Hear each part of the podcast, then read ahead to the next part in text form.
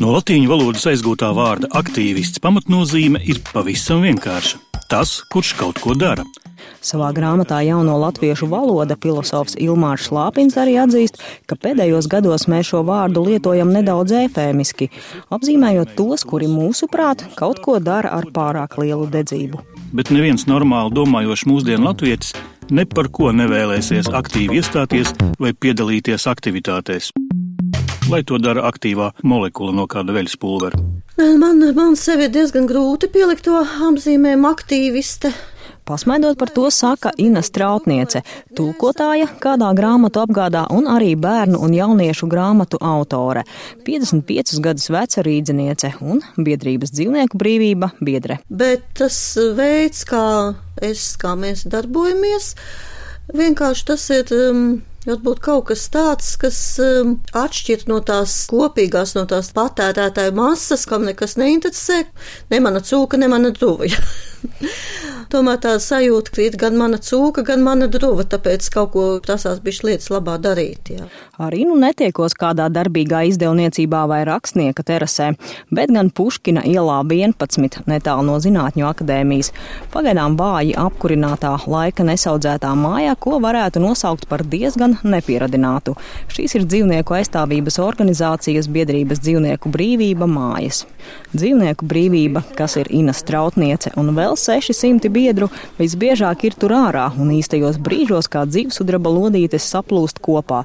Turklāt rezultatīvi šā gada jūnijā pilnībā aizliedza savvaļas dzīvnieku izmantošanu cirkā un citās izklaidēs. Pirmais bija tas bija kaut kāds uh, 16. gada maijs, jūnijas, kad bija tie brāļi zapašnī tur. Inas pirmais pikets bija pie arēnas Rīga, kur notika brāļu zapašniju cirka izrādes ar Āfrikas lauvām, baltajiem un usūrijas tīģeriem. Par to viņa uzzināja no radio. Mēs vietā nospriedām, ka vispār tā ideja mums ir ļoti pieņemama. Mēs arī esam visām četrām par to. Turklāt Ines vīrs agrā jaunībā piestrādājis cirkā par tā dēvēto uniformu, smuki saģērbtu krāvēju. Viņš novērojis, ka tur pret dzīvniekiem neizturas labi. Šī protesta akcija bija pirmā no daudzām, kur abi ar plakātiem rokās piedalījās. Ina un vienmēr līdzās viņas vīrs ar balto spieķi. Abi neatbalsta to, kas citām dzīvām būtnēm rada ciešanas. Mums ir absolūti, kā agrāk teica, vienota idejiskā platforma. pilnīgi, pilnīgi mums tas doma gājiens un tās vērtības mums pilnīgi ir, var teikt, vienādas. Šajā dzīvnieku brīvības akcijā, kas nebūtu nebija pirmā kampaņā par cilvēcīgu cirku, Inai arī bija ugunskristības, kad viņa pēc izrādes dalīja skrejlapas apmeklētājiem. Nu, daudz cilvēki ņēma, pieraduši ņemt, ka tu domā, tur kaut kādas akcijas atlaides vai kaut kas tam līdzīgs. Ja? Nu, bija citi, kuriem momentā bija skaidrs, kas paliet, kas tur uh, viebās vicinājās, nē, nē. Dažs labs tur bļaustījās, vēl tur bija tāds interesants moments, ka tur viena dāma tur saplēs to skrejlapu un aizbāz tos papīriņus man aiz krāga. Un es zinu, ka es neko vispār teikt nevaru, nevaru darīt, jo tādāk mēs tad būsim ekstrēmisti. Ja tāda pretreakcija, tad tas, ko viņa dara, ir svarīgi. Tādēļ jānāk atkal, nodomājusi Ina. Drīz vien abi ar vīru arī iestājušies dzīvnieku brīvībā. Kādreiz skatījos dokumentālos kadrus studentu nemieriem Parīzē 68. gadā. Un te man eh, iekrita acīs, ka es nekur nekad neesmu redzējis vienopus tik ļoti daudz jaunu, skaistu seju. Un uh, tagad, piedaloties piketos pret cirku, vispār par dzīvniekiem, es pēkšņi ieraudzīju, ka nu, te ir apmēram tas pats, ka cilvēki, kuri pastāv par kādu pozitīvu ideju, par savu pārliecību, nu, ka viņi tik tiešām stāro no iekšpuses. Tuvojoties izšķirošajam balsojumam saimā, Ina rīkojās sev pavisam neraksturīgi. Nosūtīja vēstules visiem simt saimas deputātiem.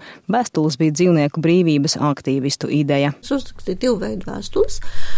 Vienas um, to frakciju deputātiem, kas likās tāda cerīgāka, un citu vēstuli atkal liekas saskaņiešiem vēl tur kaut kam. Jā, nu izsūtīju faktiski visiem simtprocentīgi. Atgriežoties mājās no pēdējās lielās akcijas pie saimas nama balsojuma dienā 15. jūnijā, abi ar vīru klausījušies radio. Sēma galīgajā lasījumā nolēma aizliegt cirka izrādēs izmantot savvaļas dzīvniekus. Nu, eforija. Nu, kad nu, saprot, ka tā nav bijusi cīņa veidzernavām, ka tas ir panākts, jā, ka sabiedriskā doma, ka ir no svara un nu, ka var labas lietas tādā veidā panākt.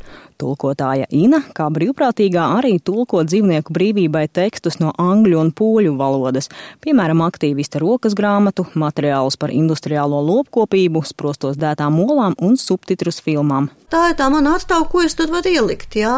Ir cilvēki, kas bīda stratēģiju, tur kaļ plānus, nu tas absolūti nav mans lauciņš. Es daru to, ko es varu, jā, kas man izdodas, kas man patīk. Ina savulaik beigusi kādreizējo lietišķās mākslas vidusskolu arī labi zīmē un iesaistās dzīvnieku brīvības plakātu veidošanas darbnīcās. Arī apmeklē citus dzīvnieku brīvības protestus, piemēram, par dejēvistu labturību. Jau pirms krietna laika Ina un viņas vīrs lēnām un plūstoši pārstājuši ēst, kā Ina saka, visus, kas iet ar četrām kājām, taču iesaistoties dzīvnieku aizstāvībā arī tos, kas iet ar divām kājām. Citus dzīvnieku izcelsmes produktus, pienu un olas lielveikalos nepērkot, bet gan no zināmiem zemniekiem.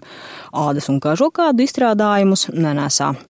Taču kāda varētu būt nākamā aktīvistu uzvara pēc savvaļas dzīvnieku izmantošanas aizlieguma cirkā? Secība būtu loģiska tāda, ja tā tad cirks, kažokādas un tālāk tā lopkopība, ka no tā dzēsētā ziloņa ir vieglāk atteikties nekā no tā kažokrāga, un no tā kažokrāga ir vieglāk atteikties nekā no tās kotletes.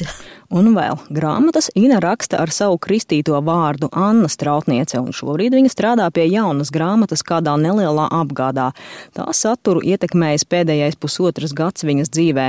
Grāmatā būs arī tādi tēli, kā bez darba palikusi tīģeru dresētāja un izbijis kažokādu meistars Laura Dzērve, Latvijas radio.